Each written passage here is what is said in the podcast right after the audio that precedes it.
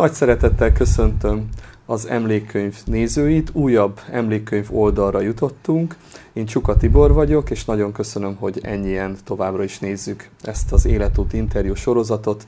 Mai vendégem Nemesné Garas Klára, közművelődési szakember, nyugállományú könyvelő, csuhé és népi játékkészítő. Klárika, köszöntelek a stúdióban.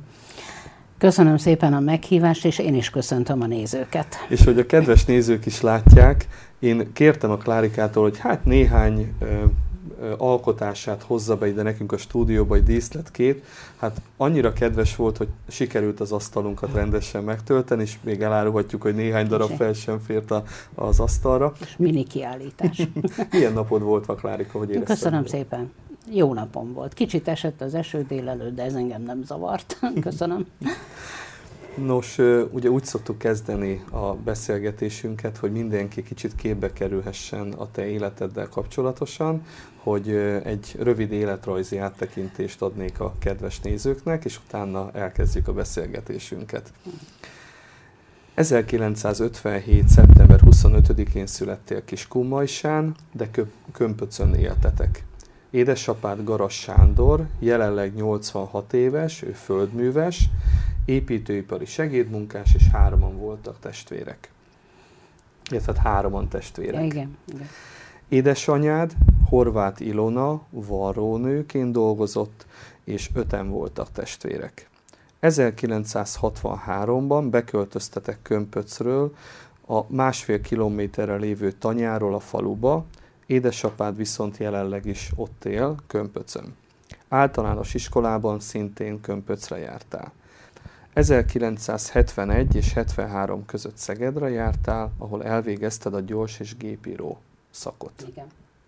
1973 és 74 között egy rövid ideig Kiskunmajsára kerültél az áfészhoz. 1974 és 1987 között a gépállomásra kerültél, szintén gyors és gépíróként 13 évet töltöttél ott, közben házasságot kötsz, majd két gyermeket születik, 1979-ben Nemes Nagy Nelly, ő belőle pedagógus lesz, fiat pedig 1982-ben született Nemes Nagy Norbert. Ő heggesztő lakatos, jelenleg külföldön Svájcban dolgozik. Fiad részéről egy unokát születik, ő Nóra, és jelenleg 8. osztályos, 14 éves. 87-től 92-ig, tehát körülbelül 5 évig a Petőfi TS-ben fogsz dolgozni ezután, és itt meg kell említeni, hogy a paprika termesztés volt a, a mellékes jövedelemforrás, ami azért annak, idő, annak idején ugye nagyon sok családnak nyújtott ilyen mellékes jövedelem kiegészítést. 92-től a művölődési központba kerülsz, voltál jegypénztáros, könyvelő, és minden, amire szükség volt mérlegképes könyvelőképesítést, majd közművelődési szakember végzettséget szerzel. 2003-ban megszervezitek a Fészek Színjátszó Egyesületet, melynek később a vezetője leszel, és 2017-ig vagy ennek tagja. Szintén 2003-tól a Kézműves Egyesületet is létrehozzátok, felépíted a saját népművészeti karriered, 2000-es évek kiállításai sorba következnek. Néhány évszám 2005, 2006, 2008, és ezt sorolhatnánk, azt gondolom, hogy a mai napig. Közben rövid ideig 2003 és 2004 között a Bajai Kézműves Egyesület tagja leszel. 2008-tól önállósítod magad művészként, vállalkozóként tevékenykedsz, 2019-ben a Majs Alapítvány ismeri el a munkásságod, majd Lezsák Sándor, a Magyarországgyűlés alelnöke, a térség országgyűlési képviselőinek méltatását kaptad a kezedbe. Ez a rövid életút történetet számomra, ez megfelel a valóságnak, szeretnéd-e kiegészíteni valamivel? Teljesen megfelel a valóságnak, de én egy picit visszacsatolnék. És mielőtt ezt megtennéd, mert ezt megbeszéltük, hogy még további részleteket Igen? fogsz elárulni, a kedves nézőknek szeretném elmondani, hogy nagyon ritkán találkozom olyan precíz emberrel, mint Klárika, minden dokumentálva van az ő otthonával, és az előzetes beszélgetésünk alkalmával hát egy olyan asztal fogadott, amin tömegével voltak a, a régmúlt írásai, illetve a te gyűjtéseid, a fényképalbumok, és nem is lepődtem meg a te kérésedem, mivel hogy te is hagyományápoló vagy őrző vagy ugye a, a népművészet által, hogy szeretnél egy picit még visszaemlékezni az őseidre, a felmenőkre. Igen, szeretnék visszaemlékezni, ugye, hogy honnan van az igazi majsai meg a kömpöci kötődés. Hát jó messzire kell visszanyúlnunk, 180, bocsánat, fölírtam, mert ezeket az évszámokat úgyis összekeverném, még, még lehet, hogy így is. Szóval 181 évvel ezelőtt, 1840-ben született meg az én ük nagyapám, Garaspál. A felesége volt Kürti Julianna, aki 1844-ben szintén Kiskunmajsán született. Az ő házasságokból kilenc gyermek fogant, köztük az én déd nagyapám, Garas Gábor, aki Zsanapusztán született 1879. március 9-én, és 1961. 4. hó 24-én halt meg. Én még őt ismertem, tehát találkoztam vele, meg éltem a tanyám vele. Neki a felesége Szalai Mária volt, aki 1880-ban született szintén Kiskunmajsán.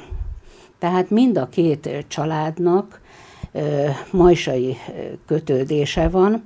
Majsán születtek, a garasok Majsa 557 szám alatt laktak, a szalaiak pedig Majsa 587 szám alatt, és ez, mint kiderült, a Régi Posta utca, ahol én is most lakom, Régi Posta utca 31 szám alatt. Ezt megkérdeztem, hogy ez egy véletlenszerű dolog, hogy te oda költöztél, és utólag derült ki, vagy direkt Így van. Egy... Ez véletlenszerűen derült ki később, amikor már nyugdíj előtt kezdtem a családfát egy kicsit kutatgatni, mindenféle íratokat, meg emlékezéseket, nagybátyámat faggatván derült ki, hogy én majdnem, majdnem a régi szalai házba költöztem kiderült, hogy egy pár házzal odébb van a Szalai ház, való igaz, ami régen a, a Szalai, aké volt az 587-es, az most tőlem négy házzal van odébb, uh-huh. lakják, Egyébként a másik, a garasoké, az viszont, az meg föntebb, ott a Busatünde fodrász, ahogy lakik a sarkon, van egy ilyen pumpás kút, és annak a környékén valahol volt. Úgyhogy ott van még egy régi kisablakos ház, de arra már nagybátyám sem emlékezett, hogy az-e az, vagy, vagy másik. Úgyhogy én visszaköltöztem a gyökerekhez. Ennél jobban nem lehetett volna. Igen, igen. Kérlek, folytasd, Klárika, ezt az érdekes És hát 2002. július 1-én költöztem oda, és hát a kömpöc. Ugye a dédszüleim, Garas Gábor és Szalai Mária később kömpöc pusztai lakosok lettek. Hát mint ahogy a Majsa történetébe is tudjuk, hogy az egri káptalannak voltak birtokai, Majsa környékén meg Kömpöc területén, és, és egy idő után ezeket a földeket értékesítették, eladták, szétosztották, és az én déd nagyanyámnak, a Szalai Máriának a testvére, Szalai Anna, és annak a férje, akit úgy hívtak, hogy Sisák Sándor, vásároltak jó nagy darab területet ott Kömpöcön, és hát, hogy ne egymaguk legyenek ott Kömpöc pusztán, rábeszélték a testvérét is, hogy hát jöjjönek Kömpözbe, és átadnak a megvásárolt földekből 30 holdat nekik, és hát így került az én dédszüleimnek a birtokába a 30 hold föld, és hát ott építettek tanyát, egy dűlő választotta el a két családot, és tulajdonképpen onnan indul az életünk, és Kömpöc sarokdüllő négy szám volt a tanyánk a, a címe, és ma is megvan a tanya, az út mellett busz megálló van előtte, és a Vitukinak a bejáró útja. Ti 1963-ban erről a tanyáról beköltöztök Kömpözre. Így van. Mi vesz rá egy családot arra, hogy egy ilyen jelentős változást hajtson végre az életében?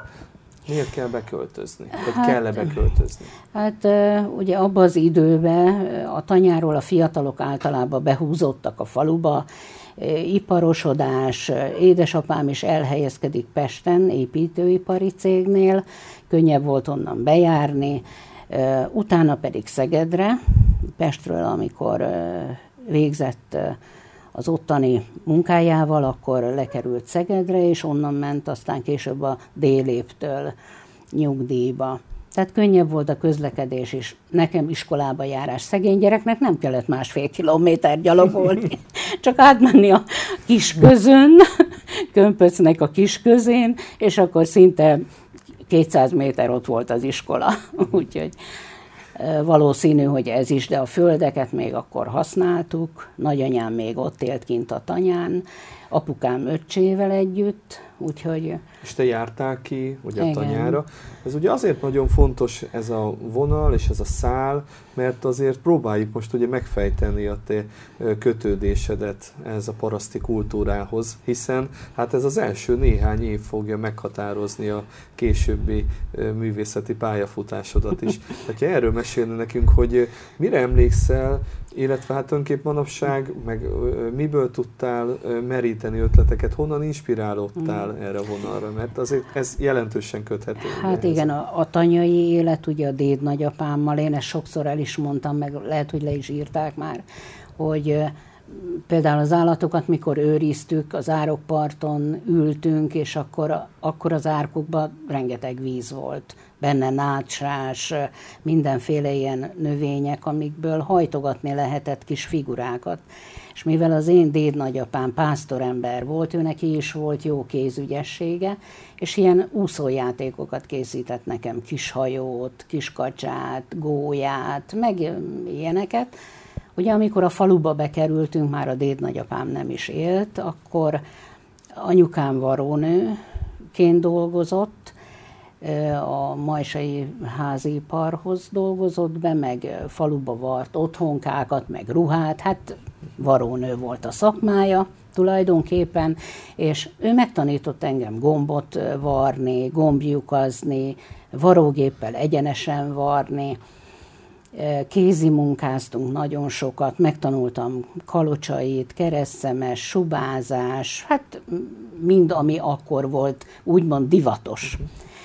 És valószínű, hogy hát innen, innen van az indítatás, meg a kézügyesség is.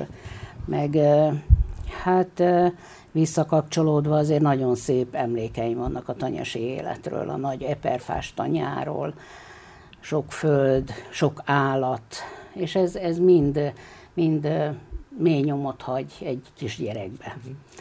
És a, és a későbbi kiállításaim kapcsán ezek mindig, mindig visszaköszönnek. Tehát itt is például ugye a, a kévehordónő, vagy a kaszáló ember, vagy a rőzsehordó, hát az mondjuk egy más jellegű alkotás, de, de visszaköszönnek. Az első önálló nagy kiállításomnál is. Uh-huh. Én is azt gondolom, hogy ezeket te úgy szívtad magadba, hogy nem tudtad, hogy így van, mire, így van. mi fog történni. Déd nagyapád akkor ugye megtanít magára a technikára, vagy egyáltalán mit lehet ezekkel a természetes anyagokkal ugye végrehajtani, vagy ő mit tanult lehet, ugye nyilván az ő, ő déd apukájától, nagyapjától. Aztán itt jön édesanyád, aki a kézműves, illetve hát az ujjaidat tanítja meg, hogy hogy kell precízen ugye végezni a, a házipari munkát, ugye ezek a varrások, ezek nagyon nagy precízséget. Így van, ugye, így van. És, és hát kitartást, hát utána, és kitartást követeltek. Igen, és akkor hát egy jó időre azért én nekem ez úgy ki is esnek az életemből, hanem amikor ugye az egészségi állapotom kezd romlani, meg elvégeztem a közművelődési szakember népi játszóház uh-huh. vezetőit, egybe, akkor valamilyen irányba kellett indulnom. És mi a Dózsáné Bettivel jártunk akkor Kecskemétre, Betty elkezdett gyöngyel, meg, meg mézeskoláccsal foglalkozni, hát mondtam, hogy akkor én próbálom a csuhét, uh-huh. a csuhézást. Ez egy nagyon érdekes dolog, amit most említettél, mert hogy ugye a művöldési központ szóba kerül, és Igen. nekem pont az jutott az eszembe, hogy, hogy ez is egy szerencsés csillagállás, De még én visszamennék egy régebbi interjútba említed azt meg, hogy kislány korodba talán kilenc évesen egyszer megálltál a művöldési központ előtt. Felidéznéd ezt a pillanatot nekünk is? Így van. Így van. Kilenc-tíz éves lehettem, és gombokért küldött be édesanyám Kömpöcből Majsára. Tudtam, hogy hova kell jönni, mert egy néhányszor voltam bent vele hát kaptam fagyira is pénzt, és hát még várakoztam a buszra, a művelődési ház előtt, nézegettem a teknős békákat, meg a művelődési házat, és azon ábrándoztam, hogy milyen jó azoknak, akik itt dolgoznak, azok láthatnak színházat, jöhetnek színházba, nézhetnek mozit, én meg kömpözbe csak hétvégén esetleg, ha volt mozi. És így ez maradt meg bennem is, hogy amikor 92-ben ugye oda kerülsz a művöldési központba, ami megint igazából egy ilyen sorsszerű történet, ahogy jönnek sorba ezek a munkahelyi lehetőségek, hogy azon gondolkoztam, hogy ha nem kerülsz be a művölődési központba, mm. akkor lesz-e belőled színjátszó egyesületi tag, lesz-e kézműves egyesületnek az alapítója, Szóval, hogy ez neked ott egy nagy inspirációt adott, amikor te oda bekerültél, ugye? Tehát, hogy kaptál egy, egy, egy löketet. Egy Mi löketet, volt? így van. Ez 2003 környéken volt, uh-huh. ugye akkor alakult a színjátszó is, mint tagként vettem benne részt, aztán később a vezetését tíz évig vittem. Majd 2003-ban alakul meg a Kézműves Egyesület, ott is tagként Bettivel közösen aztán utána 2008 környékén meg önállósítottam magamat, úgyhogy... Ha nem gond, akkor ezt most ketté bontanám. A Színjátszó Egyesülethez ugye előtte már ugye különböző képzéseken veszel részt. Látod, hogy a művödési központban hogyan szervezik a kultúrát, ha szabad ilyen kifejezéssel élni, mert nyilván azért a háttérmunka nagyon keményen működ, működik ahhoz, hogy ugye mi ott láthassunk előadásokat a színházteremben és felvértezed magad azzal, hogy akkor hogyan is lehetne ezt ugye megszervezni, megcsinálni. És akkor jön ez az ötlet, hogy akkor egyáltalán kinek a fejéből pattant ki, hogy akkor legyen egy színjátszó csapat, mert először nem is voltatok egyesület. Igen, először csak ilyen klubszinten működtünk, Hát Bettinek volt az ötlete talán igazán, ő beszélgetett ezzel is, azzal is, Kisklárival, Erzsikével, Kuruc Erzsivel, és utána az Árvainé Ildi, tehát így meg lett hirdetve újságba, hogy alakítanánk színjátszócsoportot, és akkor összejöttünk, és ilyen autodidakta módon indult az egész. Uh-huh. Ugye Ildi volt a rendező, ő neki némi tapasztalata volt ugye a színjátszás terén, az iskolai tanulmányok révén. Hát nekünk meg nem sok, de hát elkezdtük.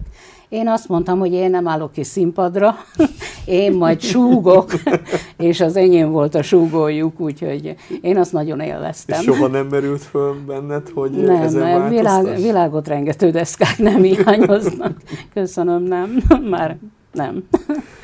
Na most, amikor egy két próbán láttalak benneteket. Ez nyilván azért volt, mert mondjuk éppen a Majosa is igen, a környéken, igen, a környéken ott volt akkor én azt láttam, és ebben e, nagyban különbözik a, a Fészek Színjátszó Egyesület tevékenysége az ifjúsági e, csoportoktól, tehát gondolok itt akár a táncosokra, akár a fúvósokra, hogy ti felnőttekkel e, dolgoztatok, és mindig volt egy olyan érzésem, hogy nektek ez amellett, hogy mi örömöt okoztak számunkra, magatoknak viszont egy nagyon jó ilyen terápia hogy ezt jól sejtem el, hogy, hogy ti ott kibeszéltétek az élet dolgait is közben, és egymást, egymást is segítettétek. És ki lehet játszani az embernek saját magából esetleg azt a szerep révén azt a belső mm, dolgot, ami benne van.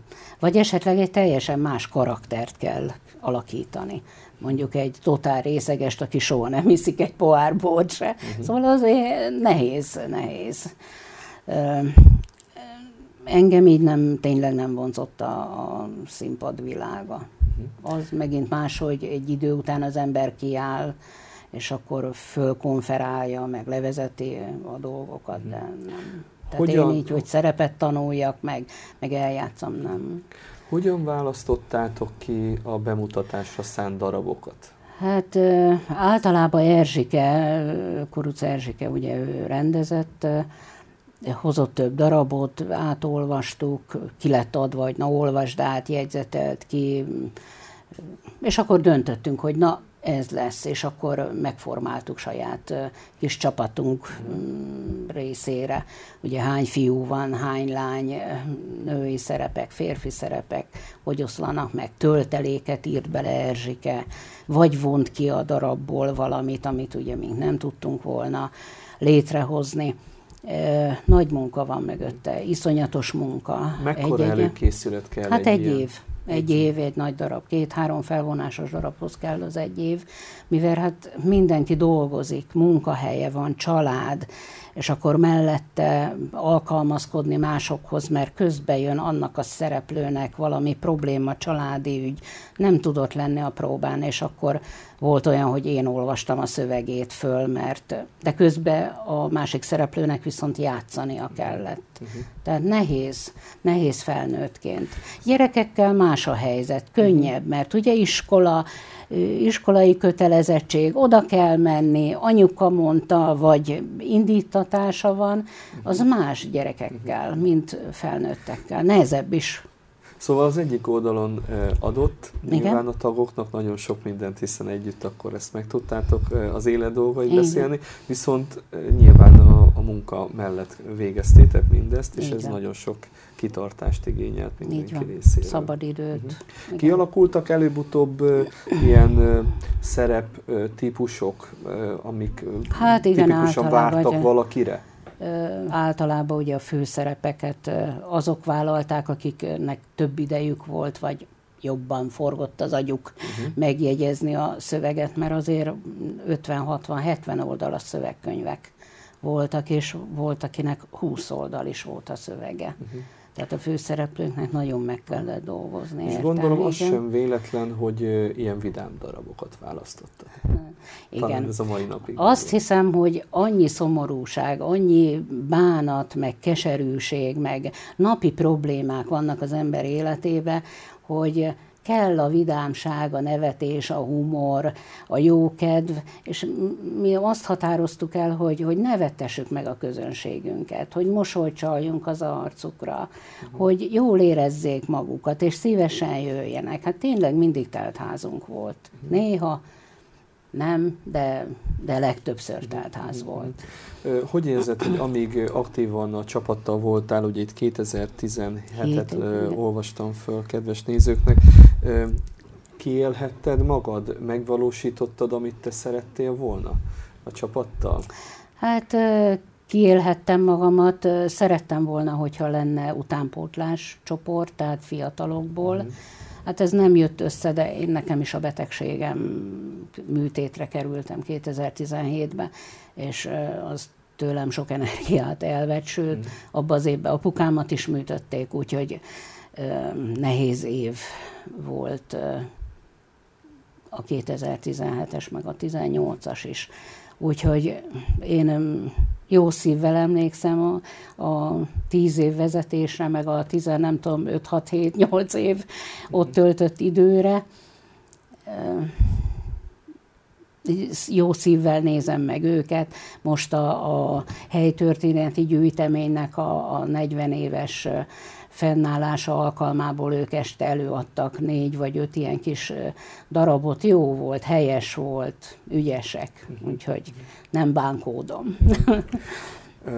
Annak idején emlékszem, hogy mint ahogy a táncosoknak is az egyik nagy problémája volt egyébként az a hely, és a ti esetetekben nagyon sok kellékre van szükség ahhoz, hogy színpadra tudjatok állítani valamit, és emlékszem, hogy hordtátok ide-oda a bútorokat, látsz-e megoldást, vagy hallottál-e valamire, még ak- ha valamiről még akkor is, ha nem vagy most annyira aktív ezen a területen, hogy látszódik-e valami kiút ebből, egy állandó raktár, bármi szerinted? Hát igen, én is, meg szerintem a színjátszóink is mindig úgy érezték, hogy olyan mostoha gyerekek vagyunk. Attól független, hogy mi ott próbáltunk ugye minden hétfőn, nagy előadások előtt azért két-három nap is igénybe vettük ugye a művelődési háznak a színpadát, meg volt egy kis helységünk, ahova aztán be volt zsúfolva minden, de az, hogy a raktár kérdésünk, azt én nem tudom, ha 30-szor nem költözött az a ruhatár, kelléktár ide-oda, hát rengetegszer. Uh-huh. Tehát eh, annyira méltatlan körülmények voltak néha, hogy, hogy uh-huh Szóval maga a színjátszáshoz nyilván a művődési központ teljesen tökéletes, hiszen ott gyakorolhattok, ahol elő lesz adva. Uh, ugye a nagy gond akkor továbbra is, is az, a raktározás. A raktározás. Tehát a ebben itt is kérjük a illetékeseket, hogyha tudnak, akkor segítsenek. Így van, így van. Uh, ez ügyben. És akkor és akkor térjünk át a másik uh, nagy területre, ugye a, a, a kézművességre. kézművességre első gondolatom itt az lenne, ugye megemlítetted ugye a déd nagyapádat, említetted édesanyádat. Igen. Amikor most közelebbről is megláthatom ezeket az alkotásokat, láthatom őket. És tüzetesen közelről nézhetem. Én azt látom minden egyes darabon, hogy valami hihetetlen mód precízen ki vannak dolgozva. És egy kicsit sajnálom is, hogy eddig én elmentem a kiállításaidat megnézni. De odaálltam mondjuk egy alkotás elé, vagy egy kompozíció elé, néztem egy-két percig, és mondtam, hogy jaj, de szép, jaj, de jó, és mentem a másodikra. És, és most úgy érzem, hogy én ebben nem, hogy hibát követtem el, de nem szántam elég időt arra, hogy én gyönyörködjek ezekben a művészeti alkotásokban. Tehát Például itt van, őt hogy hívod? Ez, ez, a, a kévehordónő. A kévehordónő. Tehát például ez a lágy esés, ahogy, ahogy a, a szoknyát, illetve a ruháját sikerült például elkészíteni a csuhéból. Adódik a kérdés. A fejedben megszületik egy alkotás, lerajzolod-e, vagy hagyod, hogy az anyag egy kicsit irányítson téged? Hogyan zajlik a te fejedben ez az alkotási folyamat? Most először egy picit vissza szeretnék csatolni Igen. arra, hogy kitől tanultam a mhm. csuhézást. Jó. Szabó Béláné, Marika Csuhés Mari, így ismerték Majsán, Bugacon élt, és 2003-ban, mikor ugye valamilyen irányt kellett, hogy keressen az ember a kézművességbe, művelődési házban fönt az emeleten volt egy kézműves kiállítás, és az ő munkái is ott voltak, és nekem megtetszett. Uh-huh és megkérdeztem tőle, hogy nem-e megtanítana engem, és hát nagy örömmel mondta, hogy nagyon szívesen Bogacon él kisvasúttal, ki tudok menni hozzá, és megmutatja az alapfogásokat. Úgy is volt, három vagy négy hétvégén én szépen fölültem a kisvasútra, Marika házánál leszálltam a kisvasútról, pár fogást elvégeztünk, és a kisvasúttal jöttem vissza. Tehát a nagyon alapok onnan indulnak. Aztán később persze az ember ugye autodidakta módon megtanulja, meg most már lassan 2023-ban 20 éve lesz, hogy foglalkozom csuhéval, meg ilyen kis népi játékok készítésével. Tehát tulajdonképpen 2003-ban ö, ott egy ilyen hirtelen feltör ö, Igen. és összeáll a kép, amit eddig az életed során tapasztalatot gyűjthettél, és elindul ez a Így te történeted. Így van. Ö, akkor már kiderült, hogy te tehát akitől tanultál, ő mondta, hogy te tehetséges vagy? És hogy... Igen, biztatott, azt mondta, hogy nagyon ügyes a kezem, pedig olyan izületes voltam, hogy alig tudtam néha kinyitni, de viszont ez is egy terápia a kéznek is, az agynak is. Uh-huh. Mint ahogy mondtad, hogy, hogy készítem az alkotásokat, visszacsatolva erre, igen, van olyan, amit úgy elképzelek, vagy láttam valahol egy képet, vagy rajzot. És akkor leskiccelem, lerajzolom, és az alapján próbálom formázni, alakítani a csuhét. Tehát, mint tudjuk, ugye a, a csuhé az egy száraz anyag, ősszel letörjük, bezsákolom, a kukoricacsőről leszedjük, bezsákolom rasázsákba, és fönt van a padláson. És évek múlva is ott van fönt, és semmi baja nincs neki, kicsit esetleg erősödik a színe, Uh, ott van egy 2003-as alkotás, annak már egész más a színem mondjuk, mint ami tavaly készült. Mm, igen, tényleg. Tehát, Tehát ő a rőzsehordó? Igen, ő a rőzsehordó. Őt elkészítettem munkácsi után szabadon színesbe is. Uh-huh. Azt akartam is kérdezni, hogy azért itt ilyen stílusbeli különbségek vannak. Tehát itt például a színeket használsz, itt igen, ugye marad a natur. A natur igen. Natur itt ez mikor alakult ki, és mikor kezdted el színezni hát ezeket? az a... évek folyamán azért az ember tapasztalja azt, ugye én naturba készítettem mindig mindent, uh-huh. jó hosszú időn keresztül, és hát ugye eljártunk árusítani, kézműves foglalkozások, a gyerekek is mit szeretnek, van szín, az a vonzó. És akkor elkezdtem festeni a csuhét, Hát vannak természetes alapanyagú festékek, igazság szerint azzal kellene, uh-huh. de hát nem jutok például báránypirosítóhoz hozzá, így kénytelen vagyok ruhafestéket használni. Ezt nem szabadna mondani, de hát ez van. és elkezdtem színesbe dolgozni, és mindjárt vonzóbb a vásárlónak is, a gyereknek is a kézműves dolog kapcsán. Uh-huh több kiadványban is többek között megjelent a te munkád, és hát a precízségre pedig legyen példa ez a néhány fénykép album, amiből azt hiszem, hogy otthon eléggé sok hát, van. van egy Így pár darab. Azt kértem tőled, hogy néhányat hozz el ide nekem, és ö, ö, azt hiszem, hogy egy ugye a Fészek színjátszó Igen, a másik csapat. pedig a nagy kiállítási anyagom van benne 2008 9 10 láthatjuk itt, illetve a nagy album. Akkor, mivel most a kézművességről beszélgetünk, itt is ugye több kiadványban benne vagy, és egy kiadványt tartok itt a kezemben, ez 2007-es. Itt a címlapra is elhelyezték a te művedet. Erről mesélnél Betlehemi Jászol címmel a Magyar Kézműves Alapítvány hozott létre pályázatot. Nem pályázatot tudom, írt lehet ki. innen látni esetleg, Robi, szerinted? Lehet látni, igen. Pályázatot írt ki, megpályáztam, és elkészítettem ezt az alkotást, és belekerült a kiadványba, meg a borítólapra is. Tehát ott átzsűrizik, átnézik a beadott alkotásokat, és a legszebbeket, a legmegfelelőbbeket válogatják ki, és hát köztük volt az enyém is. A könyvet a kezembe tartva ez egy nagyon komoly zsűrizést jelent. Ilyenkor kik végzik ezt a zsűrizést, és, és hogyan döntenek, hiszen hát valószínűleg nagyon sok hát, pályaművet küldenek be. Igen, az alapítvány kér föl, gondolom, zsűriztetés céljából szakembereket, és azok válogatják ki a megfelelő alkotásokat. Erről egy oklevelet szoktunk kapni, úgyhogy más nem, meg a könyvben megjelenik mhm, mhm. az alkotásunk.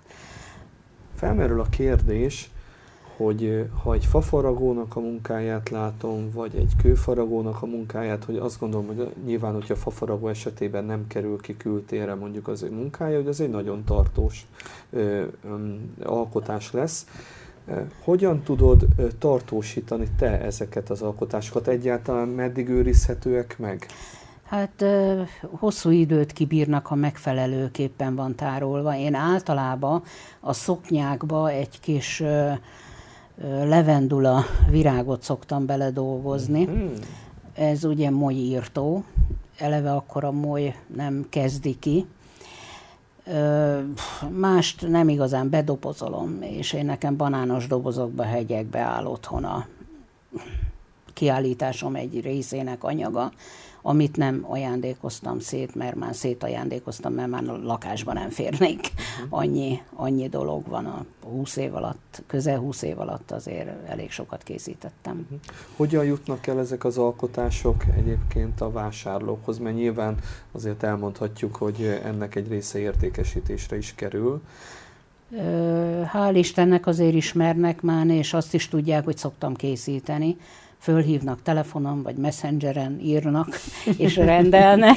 Igen, egyébként nagyon aktív van, használod ezt a, ezt a kommunikációt. Bár nem szoktam reklámozni, de mégis valahogy mindig visszakerül, aztán van egy kis visszacsatolás. Túlzásban nem viszem, mert azért időm sincs annyi, hogy én ennek a hobbinak egy nappal látéve időt szánjak, de hál' Istennek azért vannak megrendelések, meg amikor közösen elmegyünk valahova kiállítani, vagy a saját kiállításom van, uh-huh. akkor mindig egybe kapcsolom egy kis apróságokkal, kis kiállítási uh-huh. ajándéktárgyakkal tulajdonképpen. El tudnád nekem idézni a ö, nagyobb kiállításaidat? Hol tudtál megmutatkozni a kedves hát, közönségnek? A legeslegelső az 2005-ben volt Csengelén, Figura Laci bácsival volt egy közös, uh-huh akkor 2006-ban Kömpöcön a szülőfalumba, gyermekkorom helyszínén a faluházba volt egy kiállítás, utána egy pici szünet, és akkor elkezdtem dolgozni a nagy kiállításra, amit 2008 márciusába mutattunk be a Művelődési Központnak az emeletén. Ennek mi volt a címe? Elődeink játékai, és itt a tanyavilágát rendeztük be. A színjátszók is segítettek, a lányom nagyon sokat segített a kiállítás berendezésébe, és próbáltam a teret úgy megosztani paravánokkal, a paravánokat bevontuk gyékénnyel, vagy ilyen nátszövettel, hogy kicsit a hangulata is olyan legyen. Tehát volt a paraszti udvar világa, ugye ott a, a disznóvágás, a lovak, akkor kölcsönkértem kis Karcsi bácsitól a nyerget például, és arra szerkesztettem rá a lovakat. Akkor disznópörkölő, akkor különböző kis malackákat készítettem, és a pörkölőnek a környékére helyeztem. Uh-huh. Utána jött a konyhavilága, ott egy régi típusú konyhaszekrény volt berakva, és akkor a kenyérdagasztás, a mosás, a főzés, rituáléi csuhéba öntve, aztán a pihenés, a, a délutáni siesta. Molnár Erikával például hibiszkuszból csináltunk eperfát, és mindenféle hernyók, lepkék, pillangók voltak rajta, bagyok ültek rajta az eperfán, akkor ugye a karospadnak a világa, akkor az úszójátékok, ugye, amiket az én igen, dédnagyapám igen. készített, azok is egy ilyen nagy ö, cseréptálba voltak belehelyezve akkor a pihenés, az éjszaka, a család. Erről a kiállításról írt a, a Csapó Árpád újságíró azt, hogy amikor belépett a, a táncterembe, ház tánctermébe, hogy, hogy e, sikerült elfeledkeznie magáról a teremről, egy másik világba érkezett. Azt igen, hiszem így fogalmazott igen, Árpi, igen, ugye? Igen, igen. Hát és aztán volt még persze az ünnepkörök világa, ott a, a vízkeresztől egész a karácsonyig, és akkor a karácsonyfa volt, a földíszített fenyőfa az utolsó. Hát azon is mindenféle angyalkák, meg természetes anyagból készült. Ez a kiállítás, ez mikor volt? Ez 2008 március nem tudom, hanyadika, három hétig volt nyitva, 1800 látogatója volt állítólag, ezt a Fábián Sanyi számolta meg. Akkori kollégám, fűtő kollégám, szóval számolták, hogy hányan jönnek, mert még a buszváróba, akik leszálltak a buszról, és mondjuk csatlakozást vártak, és bejöttek mellékhelységet igénybe venni, kérdezték, hogy mi ez a kiállítás ott fönt, és akkor mondták a kollégák, hogy csuhéból vannak alkotások, és följöttek, és megnézték, és Kaposváról, meg nem tudom honnan vannak bejegyzések. Az a könyvben, ugye? Igen, az emlékkönyvemben. Mm-hmm. Igen, sok látogató volt, és nagyon környékből a gyerekeket hozták kézműves foglalkozásokra, a katolikus iskola aktívan részt vett benne. Most így említetted a gyerekeket és a kézműves foglalkozást, ott azért ö, ö, volt benned, vagy van benned egy ilyen szándék, hogy átadd ezt a tudást. Igen. Hívnak téged általános iskolába, vagy van esetleg, akinek sikerült átadni a tudásod egy részét, nyilván az alapokat? Igen. Megemlíteném Kapás Csengét, ő két éven keresztül úgy tavaszi szünet, téli szünet, nyári szünet, mikor, hogy értünk rá, eljött, és ő is megtanulta az alapokat. Ugyanúgy próbáltam neki is megmutatni, mint annak idején nekem a Marika. Uh-huh. És hát most már ugye ő középiskolás, más irány, de remélem, hogy azért nem fogja elfelejteni, és néha-néha gyakorolja.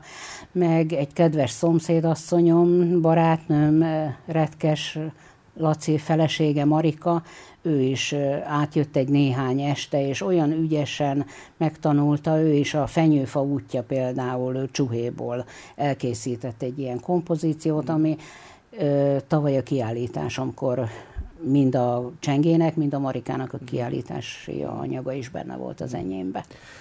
További kiállítások? Hát, mivel tavaly ugye szeptember 3-án nyílt és 25-én bontottuk le, akkor is kézműves foglalkozások, meg, meg egyre nehezebb most már, ugye, odapakolni, elcuccolni, szóval egyelőre nem tervezek, de úgy gondoltam, hogy 20 éves jubileumra majd igen, 2023-ba. Remélem, hogy lesz már akkor egy olyan hely valahol Kiskunmajsán, ahol ott lehet hagyni három hétig, vagy egy hónapig, és nem ütközik más programokkal,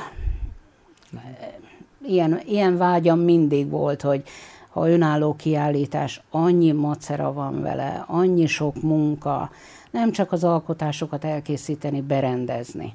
Iszonyatos munka van benne, és föl a művelődési ház emeletére fölhordani, hát ez, ez és akkor 55-ször lejönni, fölmenni, hol ez hiányzik, hol az hiányzik, szóval nehéz, nehéz, és az évek, ahogy haladnak, egyre. az, ívű, az izület egyre jobban dolgozik, tehát de még azt tervezem, igen, 23-ban még szeretnék. Egyébként említetted ugye ezeket a különböző alkotásokat, és ugye van ez a bizonyos 2009-es bibliai alakok. Igen. És ennek is természetesen ugye a dokumentációját itt találhatjuk ebbe a, ebben a fényképalbumban hihetetlen fölidézni. Tehát egy-egy, egy-egy ilyen um, eseményt, hogy hány um, alakzattal kellett neked ezt megvalósítani, hányat el kellett készíteni, egyáltalán ennek a környezetét. Um, én el sem tudom képzelni, hogy, hogy erre, ebben mennyi energiát kellett belefektetni. Hát, azt Tehát hiszem, hogy Szent... például a Betlehemi rész az ott 20 valahány alakból áll, amit aztán később a katolikus iskolának neki is ajándékoztam, uh-huh. azt az alkotást, sőt a templomba is készítettem Sándor atya fölkérésére, plébános úr fölkérésére, és hát minden karácsonykor betlehemi időszakban azért ki van állítva, uh-huh. úgyhogy a... és nagyon jó kis dobozba van benne, szintén ott is molyírtóval, meg mindennel hmm. ellátva. Zárható dobozt készítettek hozzá világítással, mindennel.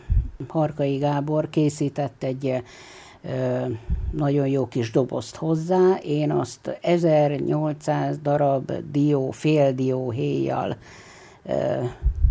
ragasztott. 1800. Igen egymásra illesztve, és mohával beragazgatva, hogy ne doboz kinézete legyen, hanem egy barlang kinézete legyen. Úgyhogy minden ujjam meg volt sütve ragasztó pisztolyjal. Végén már nem volt épp ujjam, de sikerült, és, és szép, hál' Istennek, és bírja még mindig. Az idei nyáron meghívtak téged a Kömpöci Márton gyűjteményes ház megnyitójára. Igen. Beszédet mondhatsz. Mondanál elő pár szót, miről emlékeztél meg, esetleg tudtál-e oda valamilyen tárgyat elhelyezni, ami Hát igen, a, a lánykori dunnámat, amit az én nagyanyám lúdjai tollából lett kitépkedve, meg pihéből, egy nagy dunna, azt neki ajándékoztam a Márton gyűjteményes háznak, meg egy házi áldást, Hát a Mártonné Julianna, számomra Julcsi, Julcsika, ő vele nagyon régóta barátok vagyunk, meg a családdal, és ő kért föl, hogy szeretnék megnyitni, és hogy elvállalom -e. Hát mondtam, hogy örömmel, de azért én a, a háznak a történetét annyira nem tudom. Legyen szíves azért ezt kinyomozni, hogy kik is laktak abba a házba.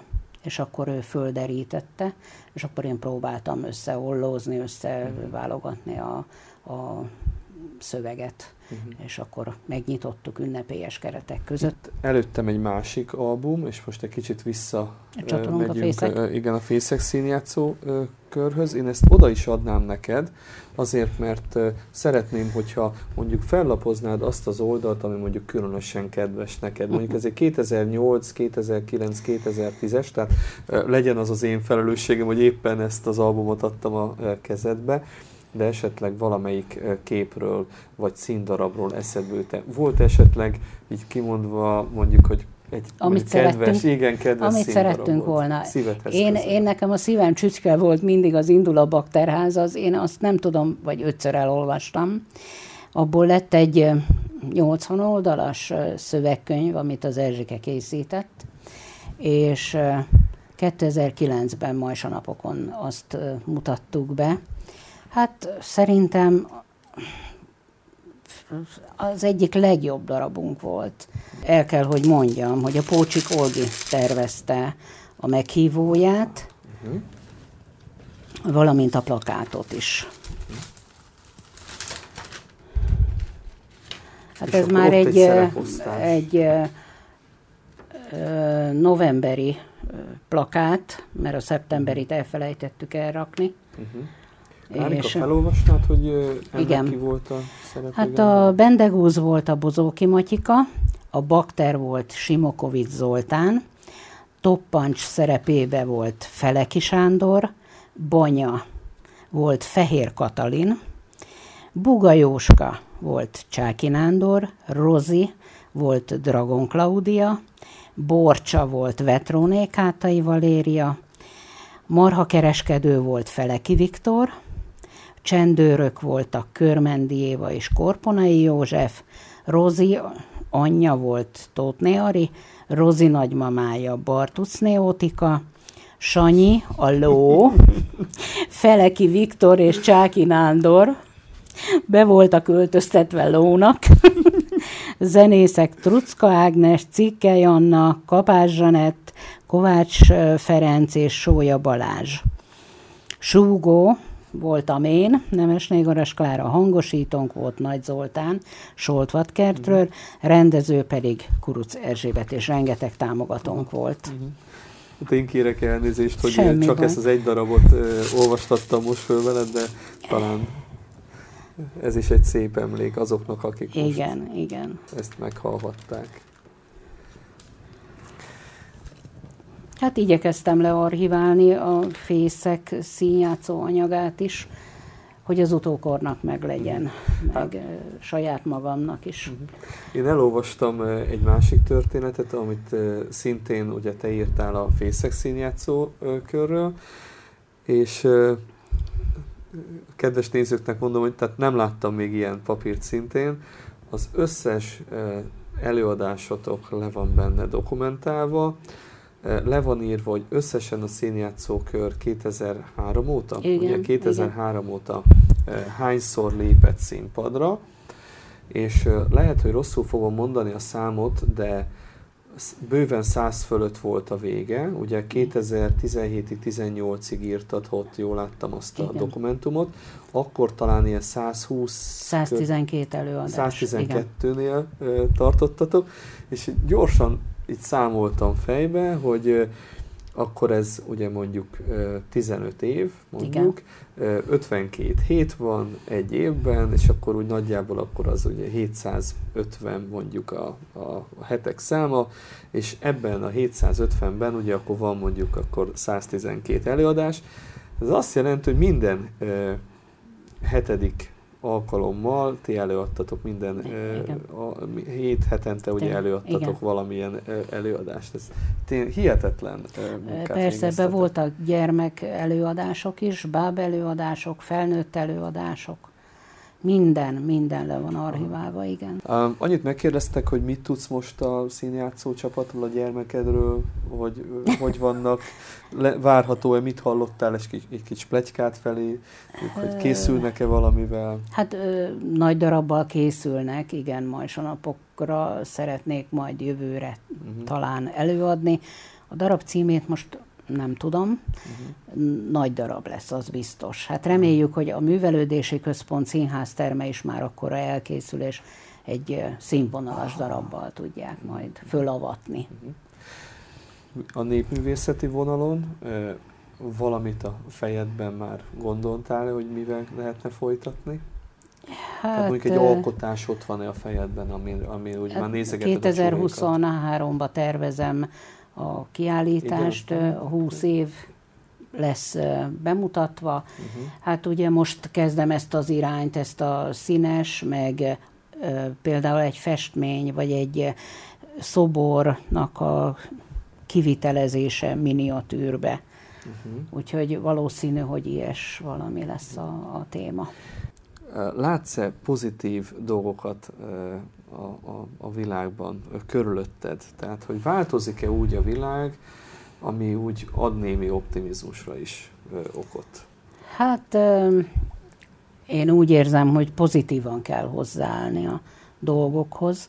Az, hogy most a, a népies vonal, most csak én ezt hozom föl, ugye a színes csúlyé, a kicsit a csillogást belevinni, hogy nem kell már annyira ragaszkodni hozzá, hiszen az életünk megváltozott.